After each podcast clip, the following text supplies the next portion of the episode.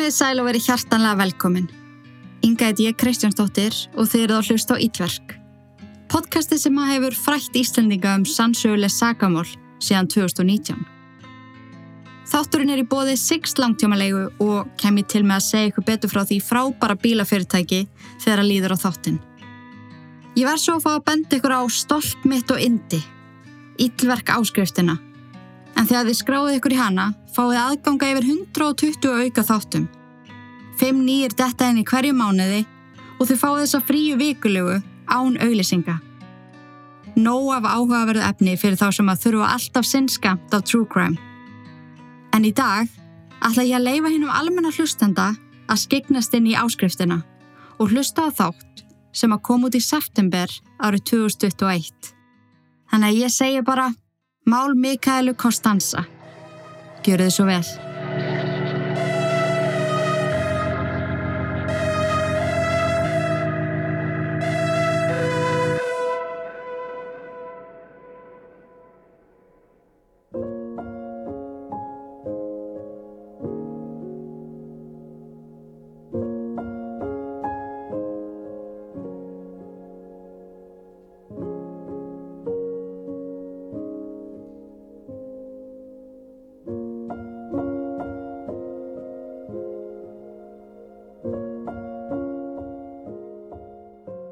Ég held að við allir lendi í því að fá stingi í magan því makinn, bróðurinn eða mammamanns svarar ekki síman eins og þau eru vön. Hugum hans á það til að ætla það vesta. Ímynda sér alls konar aðstæður og svitna úr óta yfir því að það sé ekki alltaf lægi með þá sem maður elska mest. Maður upplýði þetta sem úlingur þegar maður kom ekki heima á tilteknum tíma Hunsaði símtölinn frá mömmu því að mann er langa að hanga aðeins lengur með vinnu sínum. Svo skildi maður ekkert í því af hverju hún var svona brjáluð eins og maður orðaði þetta. Mamma manns var hrætt. Hugurinn hennar ímyndaði sér það vesta sem geti mögulega komið fyrir okkur. Og svo loksins þegar maður skilaði sér heim fór hún í gleði og reyði uppnám. Það er útrúlega góð tilfinning að vita til þess að fólki mann sé á góðum stað ekki í neittni hættu og maður viti nokkur neginn hvar það er staðsett. Eru þið ekki sammála? En hvað ef? Hvað ef slæmi hugsaninnar eiga rétt á sér? Hvað ef það komur önverulega eitthvað slæmt fyrir þann sem maður elskar?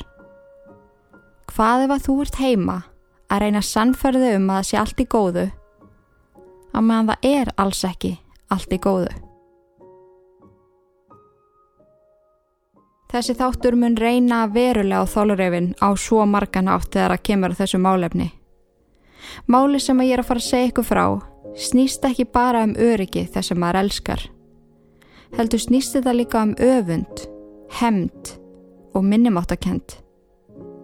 Þið verða að undibúa ykkur undir tilfinningar úsíbana því það er nákvæmlega þangað sem þessi saga tekum mann.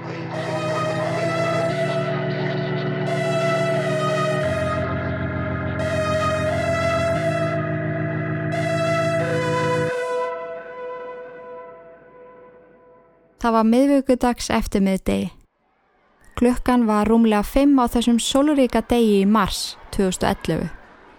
Mikela eða Mikki eins og hún var alltaf kölluð var að klára að ganga frá eftir körubóltaæfingu í Vast Wendover mentaskólunum í Nevada. Vanalega að skólaloknum kom eldri sýsti Mikki og maðurinn hennar að sækjana en þennan dag þurfti hún að ganga heim því að sýstir hennar þurfti að fara út úr bænum. Kvöldi áður hafði eldri sýstir Mikki spurt hann hvort hún ætti að byggja vinkonu sínum að sækjana og skuttlinni heim. En Mikki saði að væri ekkert mál að lappa þannan eina dag. Mikaela Konstanzo var ótrúlega góð 16 ára stelpa. Hún átti mjög gott samband við móðu sína og leta hana alltaf vita um ferðir sínar. Auk þess að kom alltaf heima á réttum tíma. Hún átti eina eldri sýstur sem passaði vel upp á hana en síðan áttu líka yngri sýstur, DJ, sem var hennar allra besta vinkona. Þar voru bókstala limdar saman frá því yngri sýstur hennar kom í heiminn, eins og tvíburar nánast. Þar voru í sama vinahóp, deildu herbyggi og fóru allt saman. Mikki var mjög vinsal í skólanum.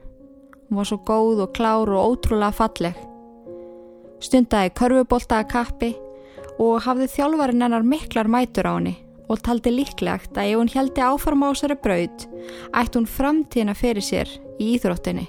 Hún var einni í stjörnulegði skólans í langklöpi og bætti hvert metið á fætur öðru og kefti margsinnis fyrir hönd skólans við önnur lið.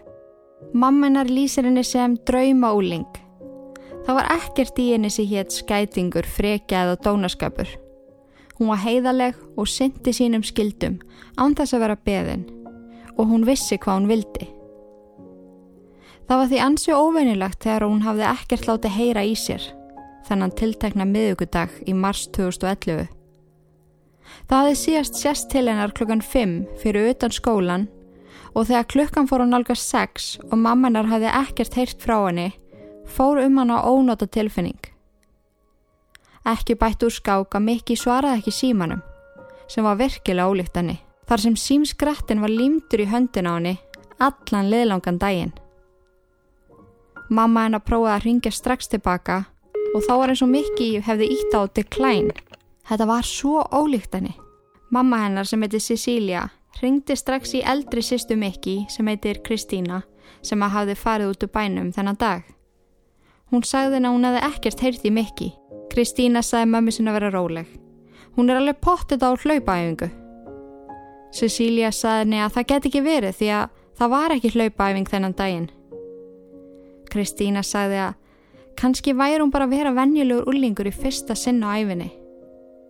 Kanski væri hún bara að sína smá kæruleysi og nefndi ekki að svara símanum akkurat núna. Hún þyrti ekkit að óttast. Mikki var í klár stelpa og myndi skila sér heim fyrir en síðar. Þótt Kristína hafi reyndað að róa mömmu sína, þá gat hún ekki að því gert að færi líka ónóta tilfinningum hana. Þetta er alveg rétt hjá mömmu. Þetta er alveg ótrúlega ólíkt henni. Hún pröfa að ringja í Mikki. Fyrst ringdi út en síðan komið svo Mikki hefði ítt á ignore. Þegar sólinn fór að setjast og myrkrið laðist yfir, gatt Cecil ekki setja á sig lengur. Hún baðum að fá að fara fyrir heim úr vinnunni því hún hafði svo miklar áhugjör á dóttu sinni og yrði að aðtúa með hana. Hún kerði heim og sveipaði stum eftir Mikki. Kanski myndi hún bara mæta henni fyrir utan heima. Þegar Cecil gekkin heima var enginn þar nema DJ. Hún spurði hana hvort hún hefði nokkuð séð Mikki. DJ sagði nei, ég hef ekkert séð hana. Ég var endar að senda henni SMS og reyna að ringja hana, hún svarar ekki. Mamma hennar segir henni að það við enginn séð hana síðan klukka 5. Það er ekki allt í lægi. Þar fóru saman út og leituða Mikki. Á meðan þar keirðu um sendi DJ SMS á alla vini sína og vinni Mikki og baða um að hafa samband ef þú hefðu séð sýstu sína. Engin hefði séð hana síðan klukka 5 og ef einhver væri með upplýsingar, yrðu þau að láta vita strax. Um klukka 19.30 hafði Cecilia samband við lauruglu, sem að brást mjög hratt við. Um klukkutíma síðar voru yfir 80 mann spyrjar að leita af henni. Yfir lauruglustjórin Donald Burnham tók við málinu. Hann vildi ekki býða með að byrja leitin af henni. Eftir að hann hafði heyrt lýsingarnar á stelpunni og hvernig hún hagaði sér dagstaglega, fór þessi ónóta tilfinning um hann líka. Það var ekki allt með feldu og hann vildi keira leitina á fullt strax. Mér þykir frábært þegar það er tekið svona á málunum. Því oft er sagt að maður þurfa að býða í 24 tíma áður en það er hægt að tilkynna um mannskörf. Kanski hefur það breyst og kannski er það öðruvísi ef að aðilin er undir átjónara. En leitina Mikki fór strax á fullt. Mammina lýsiði í viðtali við Dateline NBC hvernig henni leið á þessum tímapunkti. Hún reyndi að vera róleg og jákvæð en á sama tíma var hún svo hrætt.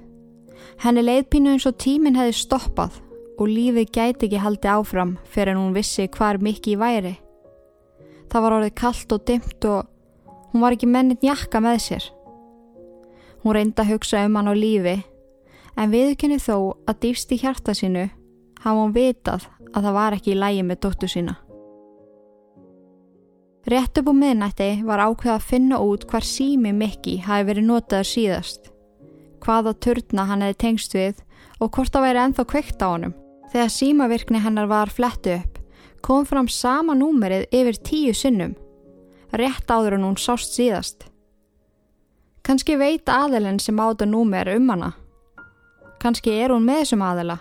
Eftir stuttar ansóknarvinnu komst í ljós að eigandi númersins var Cody Patton, æskuvinnur Mickey. Cody var tveim árum eldri en Mickey. Efnilegu ruðningsfótboltakappi og var að klára síðasta árið í sama skóla á Mickey. Hann var trúlávar og bjó heima hjá fóruldrum unnustu sinnar. Hann var strax beðin um að koma upp á stöð og svara nokkrum spurningum. Hann sagði lauruglu að hann hafi að heyri í henni. Þau var í góðu vinir. Hann hafði jú ringt í hana og sá hana síðast um 5.30 fyrir utan skólan. Hún hafi verið þar á samt kærastanum sínum, Javier, sem hún hafi einmitt verið að deyta í nokkra mánuði. Þau hefðu spjallað í nokkra mínútur og farið svo í sitt hver áttina. Þegar lauruglumærin spurði Kóti hvort hann hefði ykkur á spurningar fyrir hann, svaraði Kóti með tárin í augunum. Please, finnið hana bara. Þegar Mikki hefði verið horfin í tvo daga, voru yfir 300 manns að leita vinni. Þegar Mikki mætti ekki í skólan á förstu deginum, fann Cecilia innra með sér að hún myndi aldrei sjá hana framar. Það var eitthvað í hjartanar sem að saðinni það. Á þriðja degi eftir kvarfið eða á laugadeginum fann eitt þeirra sem leituði mikki skringileg í moldinni rétt fyrir utan bæin. Það hafði greinilega ykkur keirstaðna mjög nýlega og förin meikuði ykkur neina ekki sens. Það eitt ykkur neina engin bíl að vera að keira um á þessu svæði. Það var allavega mjög óvanalegt. Þegar sá sem leitaði gekka eins lengra að lágum runna sá hann þar blóð.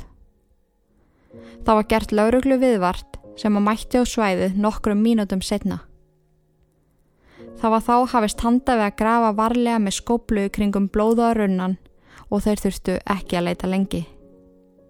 Eftir nokkrar skóplustungur komi ljós eitthvað sem virtist vera líkamsleifar.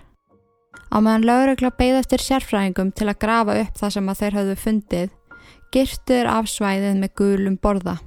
Í því keirir Kristína framhjá sem var emmett sjálfa að leita að sýstu sinni.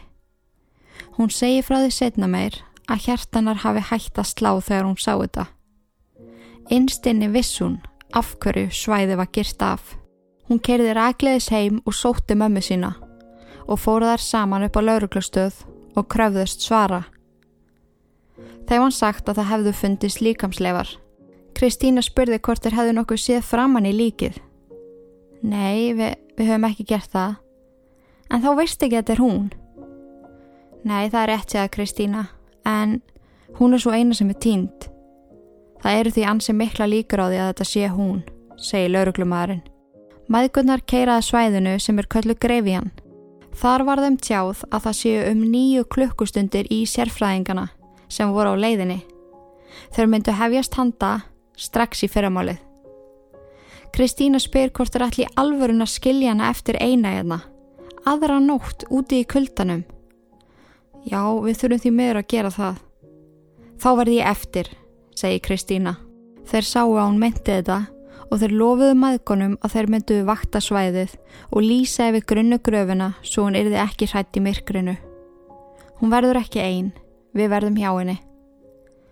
Cecilia segi setna meir að þessi setning hafi verið henni svo kærkominn Hún hafi í fyrsta sinni þrjá daga fundi fyrir votta veljiðan. Þeir ætluði að passa stelpun hennar. Klukkan átta, morgunin eftir, hófust sérfræðingarnir handa við að grafa upp það sem lauruglan hafi fundið dæin áður. Það tók ekki langan tíma fyrir þá að sjá hver er láðaðna. Gröfin var svo grunn. Þetta var mikki. Virkilega illa farin. Það var ekki gefið út strax hversu illa leikin hún var en Cecilia og dætirinnar voru látna vita að því að Mikki hefði verið fundin. Upp úr hátegi var haldinn bladamannafundur þar sem sagt var frá gangi mála. Líki hefði verið af Mikheilu Costanzo, 16 ára. Og það var ekki að gefa fleiri upplýsingar að svo stöttu en máli var í fullri rannsókn. Þeir sem rannsókuðu málið voru í sjokki yfir áverkonum. Hvað hafði eða komið fyrir veselingstelpuna? Það voru stungusár á hálsennar. Ummerki að hún hefði verið barinn með þungu barabli í höfuðið, andlit, bak og fætur. Listin var ótrúlega langur og því betur sem líki var skoðað því meira kom í ljós. Jörðin undarinni var algjörlega þakin blóði en gröfunar hafði verið mjög grunn. Hendur hennar voru bundnar saman með strekkiborða sem sagði lauruglu að hún hefði verið tekinn gegn sínum vilja. Mjög líklega af skólalóðinni eða á leiðinni heim úr skólanum. Áverkarnir sem hún hlaut voru hróttalegir og það hefur sannað sig margófti gegnum tíðina að þeir sem fremja það sem kallast overkill þekka yfirleitt einstaklingin sem að þeir myrða. Eru þá eitthvað hátt í nöfðan, eitthvað hefur komið upp á á millið þeirra. Engin vissi til þess að hún ætti ykkur á óvinni. En kannski. Það þurfti allavega að skoða þann möguleika betur, svo það var fljótlega að fara aftur yfir hennar einstaring af vinum og vandamönnum. Þegar myndavelar voru skoðaðar úr skólanum, síðasta dag mikki á lífi, komu ansi áhugaverðar upplýsingar í ljós. Þar sést til hennar í kringum 5 setja bækur inn í skápið sinn og ganga svo í áttinað útidarahörðinni. Hún kíkir á síma sinn, setur hann í vasan og gengur út. Nokkrum sekundum eftir hún gekk út byrtist annar einstaklingur á sama gangi. Cody, æskuvinurinn sem að ég saði ykkur frá áðan.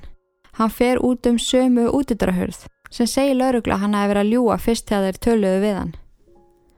Hann sá hann ekki með kærastanu sínum eins og hann saði upprannlega. En hann var sá síðasti sem að sá hann að lifandi.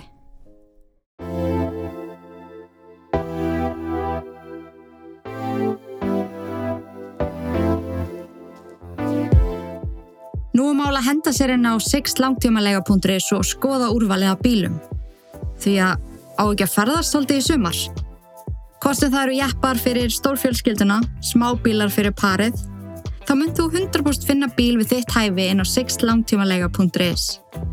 En ég meina, þú mátt alveg taka rútuna ef þú vilt, ef að planið er að halda áfram bílausum lífstíl í sumar, en ég vildi allan að benda þér á þetta. Og ef að þú átt nú þegar bíl og hann eigður ógisla miklu eða hennilega hendar ekki ferðalægið, getur þú bara lagt honum. Lift honum aðeins að kvíla sig eftir veturinn og rúnt og svöum á bílalegur bíl. En það eru marga góðar lausnir í bóði og vil ég hvetja þig til þess að kynna þér málið. Þið getur svo sagt frá því að þið hlusta á yllverk og þá græja snillingarnir í Sixt fyrir ykkur góðan díl. Sixtlangtímalega.is Keirum inn í sömarið á þægilegum og glænjum bíl sem að við berum litla sem enga ábyrð á. Takk og bless. Fyrst þegar Kóti var fengin upp á lauruglustöð og spurður út í kvarfið var hann látin laus nokkru síðar og ekkert spáð neitt sérstaklega í honum meira. En eftir að þessari upplýsingar kom í ljós var nokkuð augljóst að það þurft að skoða hann betur. Lauruglan ákvaða að ræða Kóti við Cecíliu, mömmu Mikki. Hún hafði þekkt hann síðan hann var krakki og kannski gætt hún varpað ykkur ljósi á hver hann var í raun og veru. Gæti hann mögulega hafa gert dótturina megin? Cecilia lýsir honum sem dreng sem var pínu erfitt að lesa. Hann getur verið ljúfur sem lamp, snúið sér svo í aðra áttina og orðið öskur reyður. Hún vissi fyrir víst að hann og Mikki hefðu oft reyfist í gegnum tíðina. Hann gerði oft mál úr hlutunum og reytist vegna hluta sem að öðrum fannst kannski ekkert tiltöku mál. En hún vissi ekki til þess að hann hafi nokkuð tíma gert eitthvað sagnætt og væri yfir höfuð ótrúlega góður strákur. Það kom svo einni í ljós að Kóti gekk alveg ofsalega illa í skólanum. Hann var í raun við það að falla á önn sem að þýtti að hann þurfti að taka síðasta árið aftur.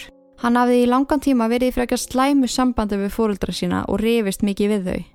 Sem að var til þess að hann flutti heim til unnustu sinnar, Tony Fratto. Fóröldra Tony, Cassie og Chad voru strangtrúaðir mormónar og heimili þeirra ríkti í regla en á sama tíma ótrúlega mikil ást og umhyggja. Þeim líkaði strax alveg ótrúlega vel við Koti og vildi hjálpa honum að komast í gennum skólan. Þau vorkendu honum alveg innilega og sáu hversu mikilvægt væri fyrir hann að búa á stabilu heimili. Þau segja bæði að hann hafi orðið með tímanum eins og sonur þeirra og þeim þætti alveg ofsala vendum hann. Það gati ekkert neginn ekki verið að þessi annars venjulegi 17 ára strákur geti gert eitthvað svona lagað. Á þessum tímapunkti fannst lauruglu það allavega frekar ósennilegt en ákveðu samt að fá hann aftur upp á stöð til þess að svara nokkrum spurningum. Kanski var hann komið með eitthvað nýjar upplýsingar, en pappans kom þarna með honum. Hann endur tökur nokkur neginn söguna sem hann sæði fyrst. Hann hafi ringt í hana klukkan 5 og það hefði verið fyrir framann skólan sem að þau hittust svo.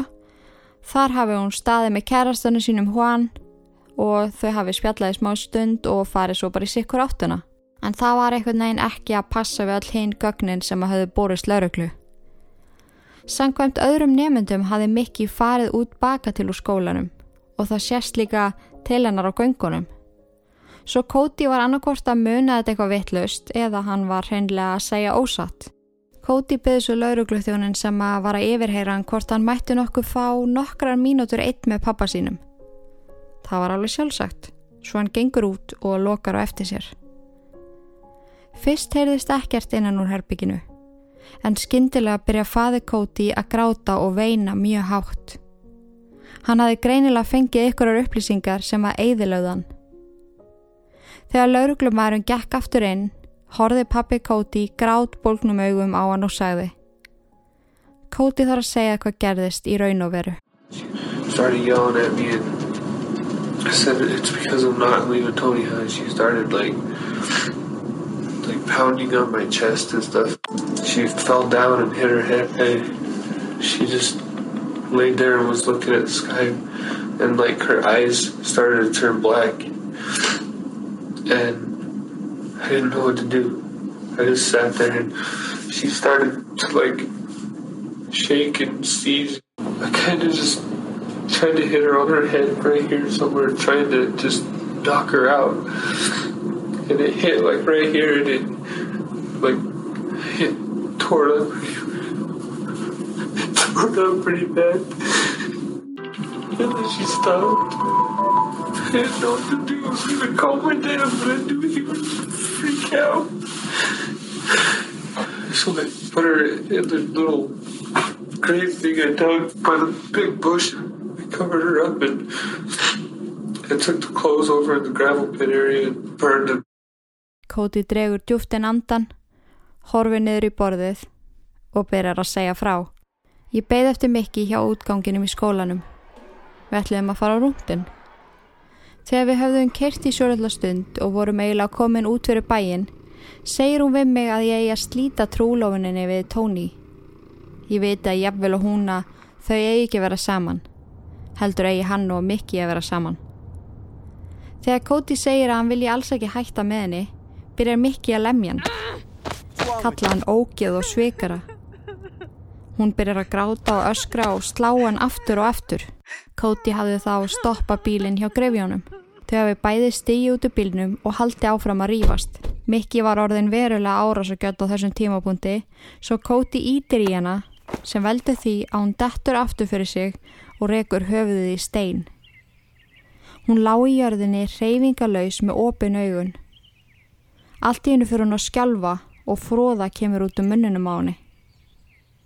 Koti var alveg ráðfróta en ákveð svo að sækja skóplu úr skottun og bílnum og lemjan í höfuðið sem olli gríðalegum meðslum í andlitin á henni. Hann vonaðist til að hún hefði rótastu höggið. Þegar Kóti aðtugaði púlsinn var hún enþá lífi og byrjaði að emja látt.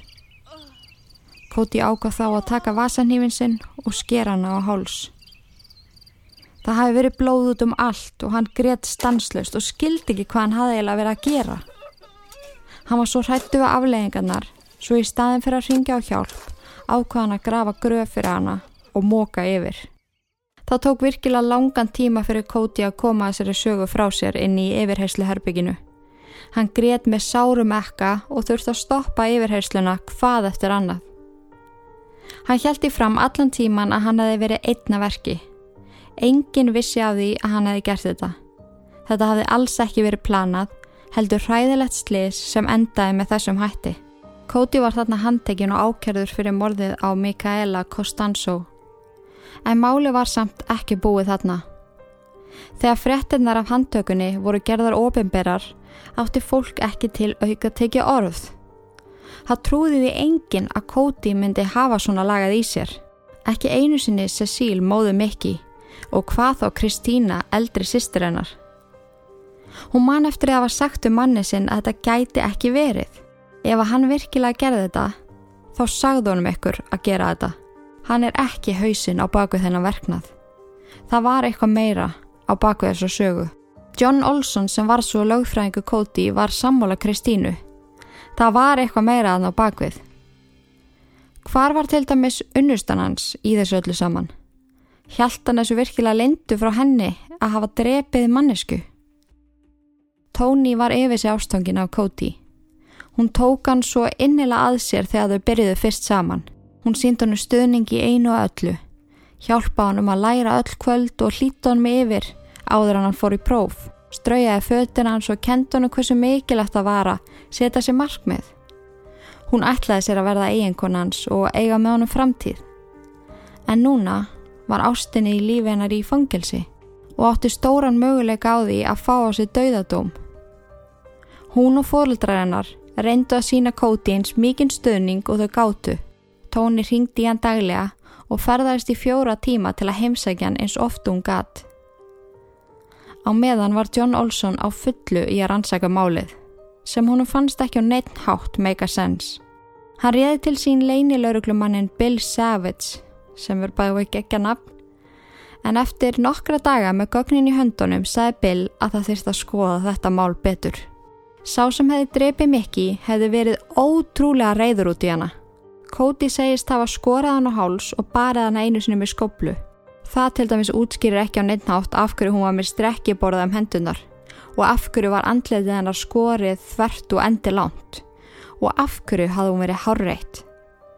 Cody var að hilma yfir ykkurum. Það er staðrind. Það þurfti bara að finna út fyrir hvern. Og hver var það sem stóðunum næst? Tony, unnustans. John Olson ákvaði að tala við hana sjálfur. Þegar hún settist anspænisonum hafði hún ekki hugmyndum eittni neitt og það sem sló hann alveg sérstaklega var hversu ótrúlega tilfinningalös hún var. Stelpa á sama aldri hefði verið hróttala myrt af unnustennar og unnustennar átti möguleika á því að vera dæmdi til dauða en hún satt bara aðná og setti í brýrnar. Nipp, ég veit ekki hvað gerðist. Ég veit ekki akkur hann var að gera þetta. Hún fældi ekki eins og eitt tár. Hún hækkaði aldrei róminn smá eins hún væri að berjast við að vera eins róleg og hún mögulega gatt. John, sem hafði ekkert á hana, þakkaði henni kærlega fyrir svörin og hún gekk aftur út í frelsið, laus allra mála. Dægin eftir hins vegar gerði svolítið sem að skildi alla eftir orðlösa. Tony hafði ringt í pappa Cody og beða hann um að koma og sækja sig. Hún þurfti að tala við hann. Hann sagði að það væri sjálfsagt og kerði af stað að sækja hana. Fóreldrænar hafði farið út á bænum þennan dag og á tröppbónum stóð Tóni á nóttfötunum. Hún saði tengdaföðu sínum alltaf létta. Hún hafi tekið þátt í því að drepa Mikki. Hún var viðstödd og vildi segja frá því. Þau kerðu því að stað að skrifstöðu John Olsen, lögfræðin Cody, sem er skrítið en var spárið í því. Af hverju tala hún ekki við lauruglu? Hverju er hún að tala við lögfræðing sem er í raun alveg ótengdur henni? En við John viðkennir hún að hafa verið viðstött og haldi fótunum á henni á meðan Cody skar mikið á háls. Hann hefði svo gugnað þegar hann var komin halva leið og hún hafi þá tekið við. Þetta voru ansi sjokkirandi upplýsingar. Þegar laurugla fekkit í hendunar var Tony handtekinn og fóruldramennar gert viðvart sem var trúðu ekki sínum eigin eirum. Þeim fannst þetta ekki make a net sense. Dóttið þeirra sem að fekk hæstu engun í öllu í skólanum átti sér stór markmið og drauma. Svo sem kom með þeim eld snemma í kirkju alla sunnudaga frá því hún fættist. Hún drap ekki mannesku. Frá því að þau heyrðu þetta voru þau vissum að það væri meira sem byggja á baku söguna. Hún fór ekki vísvitandi og viðkendi þetta. Engur hefur þvingað hana til þess og fyrsta manneskjan sem kom by huga þeirra var tengdapappinar. Ef að hún hefði raunverulega farið og tala við hana fyrrabræði þá átti hann að vera fullotni einstaklingurinn og leiðbeina henni í rétta átt. Ekki fara með hana til lögfræðing sem var á þessu stíi máls alveg ótengdur henni. Markmið John Olsen var að létta dóm Cody, vonandi finna hann saklausan, þótt að það væri hansi ólíklegt. En með því að tala við hann var Tony að grafa sína eigin gröf, sem gæt leitt hana til dauðadóms. En fyrir fjölskyttu Mikki fannst þeim þetta með Tony vera týndi parturinn í púsluspilið. Það var einhvern veginn ekki sens að Cody hefði skipulagt þetta einnub og þurru. Þarna á bakvið hlauta vera einhvers konar öfund og hatur. Þeim hrilti við Tóni sem hafi gengið um skólan með trúlóðunar hring Kóti og þóttist ekkert vita. Hún varð á einum sólarhing hataðasti einstaklingu bæjarins en fóreldraðinar voru ekki á sama máli og voru ekki tilbúinir að kingja þessu. Skyndilega, eftir að allar þessar nýju upplýsingar komið í ljós, opnaði Tóni sig og fóreldraðinar um að Kóti hefði verið ofbeldisneiður í sambandinu þeirra. Hann hefði misnótt og Tóni andlega, eigna sér hana og bannaði hana umgang á staðra. Þetta kom svolítið eins og þrjum ár heiðskýru lofti, því að upp á þessu var hann alltaf þessi fullkomni og góðhjartaði tengdarsonur sem var einna fjölskyldinu. Það var farið í gegnum þrjú ár af upptökum úr skólanum þar sem Tóni hjælti fram að Kóti hefði verið harkalegu við sig á skólagöngurum. Það fannst eitt skipti á upptökunum þar sem að þau sjást á ganginum, greinlega rýfast. Hann óknar henni og hrindar henni, en annars sást ekkit annað. Fóreldra Tóni vildu að það erði skoða betur hversu ótrúlega hrætt dóttið þeirra var. Hún hefði pottet verið þvinguð af Kóti til að vera viðstödd morði á Mickey og svo þvinguð að tengdaföðusunum til að tala við John Olsen. Á nýjárstag 2011 var bóði Kóti og Tony í samning. Ef að þau samþyktu fenguðu bæði léttari dóm. Kóti var bóðið að játa sekt sína og í kjölfarið fá lífstíðadóm með tækifæri á reynslulaust sérst eftir 25 ár. En til þess að fá þetta er þann að vitna gegn Tony. Hann tók því, en dróð svo tilbaka daginn eftir. Hann gæti ekki hugsa sér að vitna gegn manneskunni sem hann elskaði og vildi frekar sjá hvernig þetta færi í réttasal. Tóni fekk líka til bóð og henni var sérst bóðið að játa sekt sína og vitna gegn Cody og yrði þá dæmt fyrir annarstegsmorð. Í staðin fengi hún átjónara dóm í staði lífstíðar og hún tók samningnum án þess að heka. Þann 7. janúar 2012 var Tóni leitt út úr klefanu sínum inn í lítinn domsal innan fangelsisins. Þar sett hún hægri höndin á biblíuna og sóra að segja sannleikan og ekkert nema sannleikan.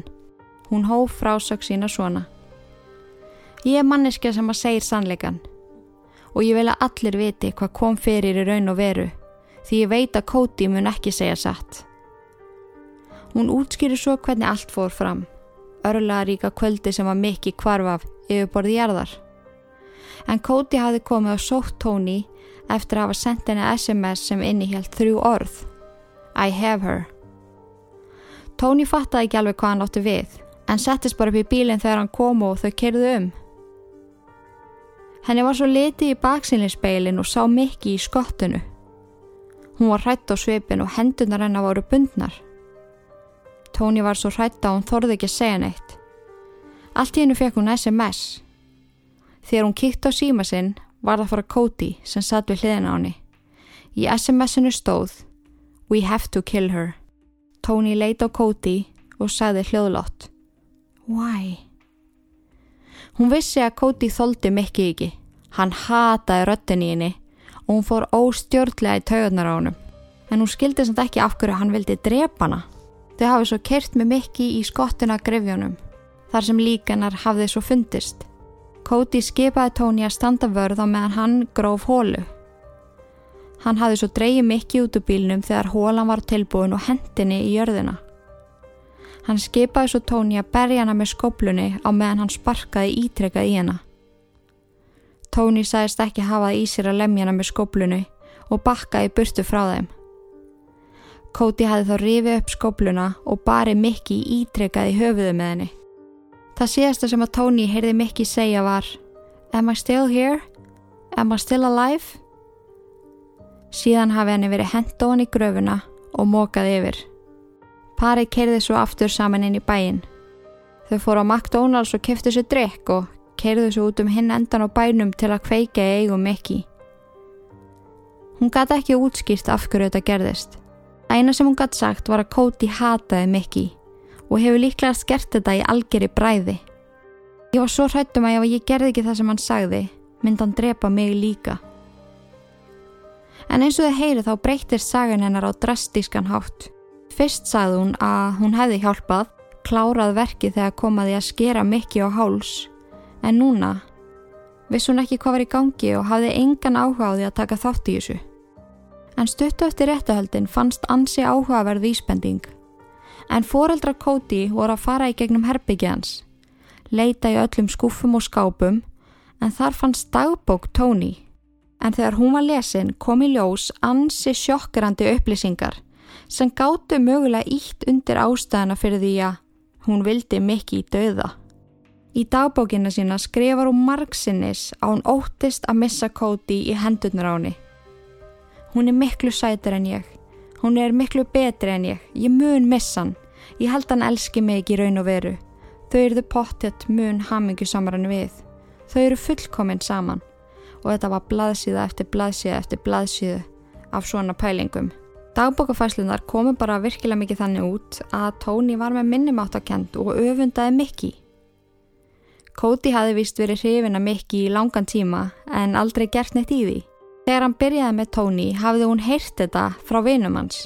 Hún hafði einhvern veginn aldrei getað hrist þetta af sér og að vissum að á endanum myndi hann halda fram hjá henni. Hún var vissum að hann væri bara með henni að því hann hafi ekki fengið Mikki. Í kjölfarið fór Tóni að hata hana. Sistir Mikki, DJ, segi frá því að Tóni hafi oft hreikt í hana þegar þar gengur framhjá. Kalla hana slött, bitch, disgusting. Augnaráðið sem hún gaf henni var stingandi og á ákveðnu tímapunkti hafi Mikki sagt við sýstu sína að hún ætlaði algjörlega að loka á Kóti.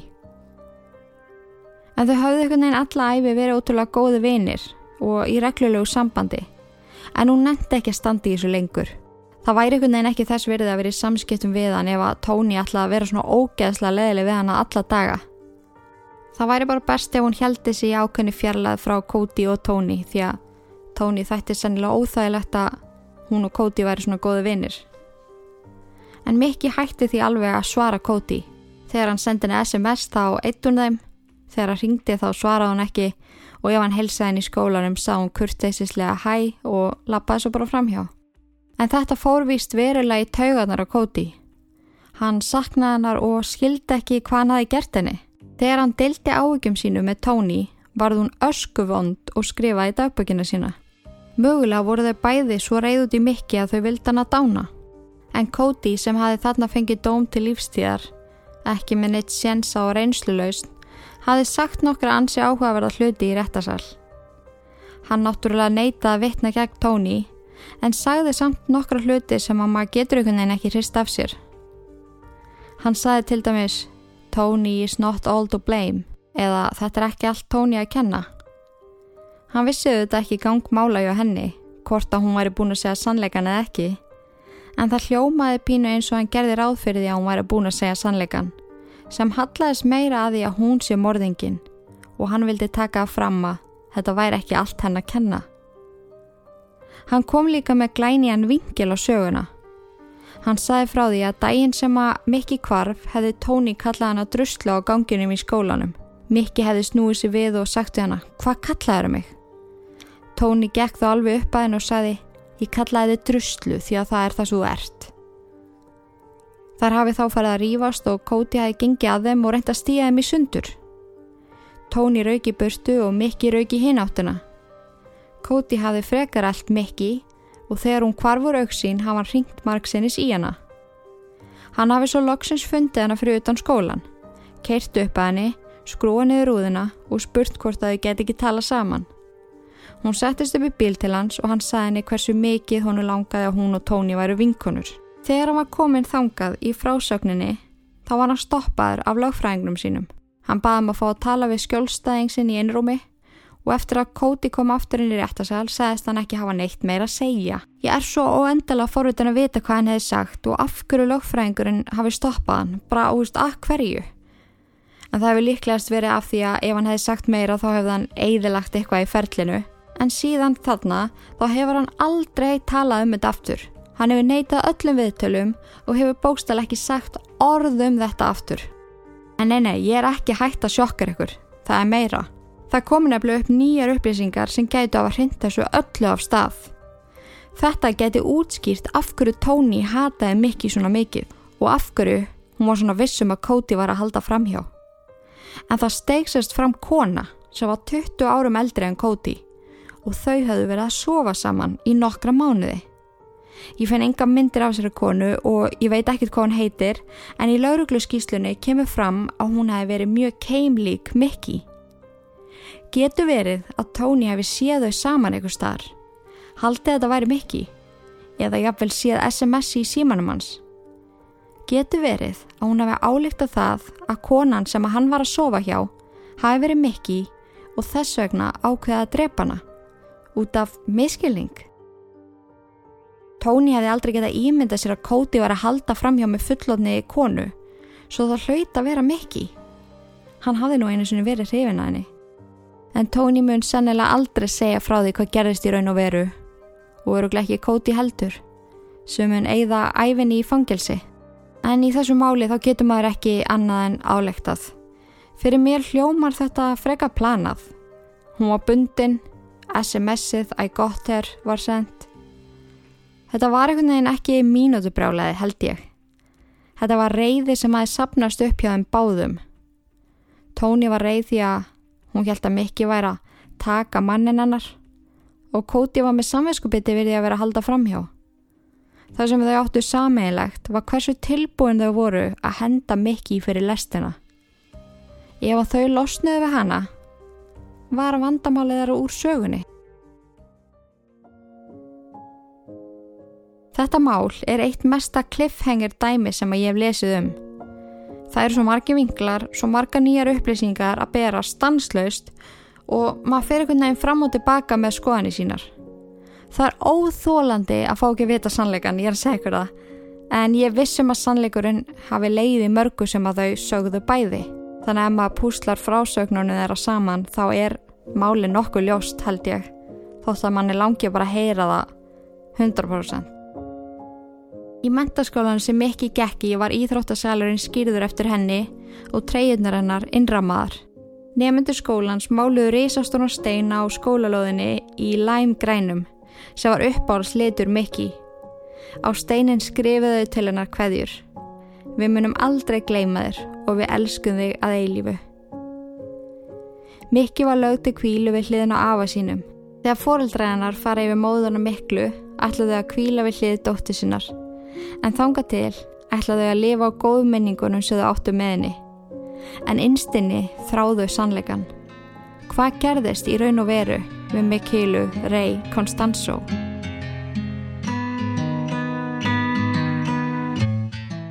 Ég vonaði að við notið þess að skikna staði sinni í áskriftuna. Þúsund takki fyrir að hlusta. Takk fyrir að vera til og í Guðanabænum forðist að dýlverk nema þetta podcast. Verið sæl. Haugur, take it away. Sættu sjöfið og þú dottir eftir lukku Sýnda sáli sem í djúpa hafi sökku Gangin líf eins og flugur inn í krukku Meðan 666 andast uppu Sættu sjöfið og þú dottir eftir lukku Sýnda sáli sem í djúpa hafi sökku Gangin líf eins og flugur inn í krukku Meðan 666 andast uppu Þegar úti fyrir að dimm og frostin ístir inn að beini. Engin engil sem að veiti verði í eðilögðum heimi Sem að lagðist í eði með heift og sakleysingjar týndu lífum. Verkin ítlu sem að fólki sá í sínu sínum Hversu margir hræðast drauga? Hversu margir hræðast að það horfi í augu dauðas augu taka mann á taugum eins og andar sem að herja mann. Hvaði voru á himnum fyndu engil til að verja mann. Hjartaslæri og það sé með djöfulinn á hælunum Refur á móti hænunum, úlfur með sögða gæru Ílska reykar í bænum og lömpi þakma þórað ekki að vanda Allt og marga sálir sem að tilbyðja fjanda Hamingja. Krasar eins og skip sem strandar anda Dráttur milli handa hættir að vanda Þegar að þreyttir að hálsi. Þegar ótti tekur yfir missa sakleysingjar máli Sálum hent á bálið eins og nortni galdra fári. Sættu sjöfið og þú dottir eftir lukku. Sýnda sáli sem í djúpa hafi sökku Gangin líf eins og flugur inn í krukku Meðan 666 andast uppu Sættu sjöfið og þú dottir eftir lukku. Sýnda sáli sem í djúpa hafi sökku Gangin líf eins og flugur inn í krukku Meðan 666 andast uppu Er það reyði sem að geri megin skeppnuskapur eins og grimmir hundar sem að naga bein og rifur inn í hænsna kofa hænur sofa svefninum langa þegar að andar koma. Þegar illir andar taka yfir liði fyrir yfirlið ef ljósið andar fara fyrir. Flesti kjósa fá að halda friði liðið í þar um og missi trúna sem það liði fyrir Flesti stand eftir og stara bara hendi sjúkum hug eins og hjá blóðþyrstum talibana. Þau þurfa að byggja fyrir sálum sínum. Eins og píkir sem er háður vímu þjáður er í sálum sínum. Byður um það eitt að hlusta sé á alla bænir sínar. Gengið hefur grýtt að vegi alla fokkin æfi sína. Við skulum kveikja nokkru kertum á. Viltu fá að sjá 666 vandamál? Sættu sjöfið og þú dottir ert í lukku. Týnda sáli sem í djúpa hafi sökku Fangin líf eins og flugur inn í krukku Meðan 666 andast jöpu Sættu sjöfið og þú dottir í lukku. Týnda sáli sem í djúpa hafi sökku Fangin líf eins og flugur inn í krukku Meðan 666 andast jöpu Býðum í andartak, andabrátur, andvarpar Í andaglassi skilji andar eftir handafar Býðum í andartak, andabrátur, andvarpar Í andaglassi skilji andar eftir handafar andaglasi skilji andar eftir handapar. Býður mér andartak, andadráttur andvarpar. Í andaglasi skilji andar eftir handapar.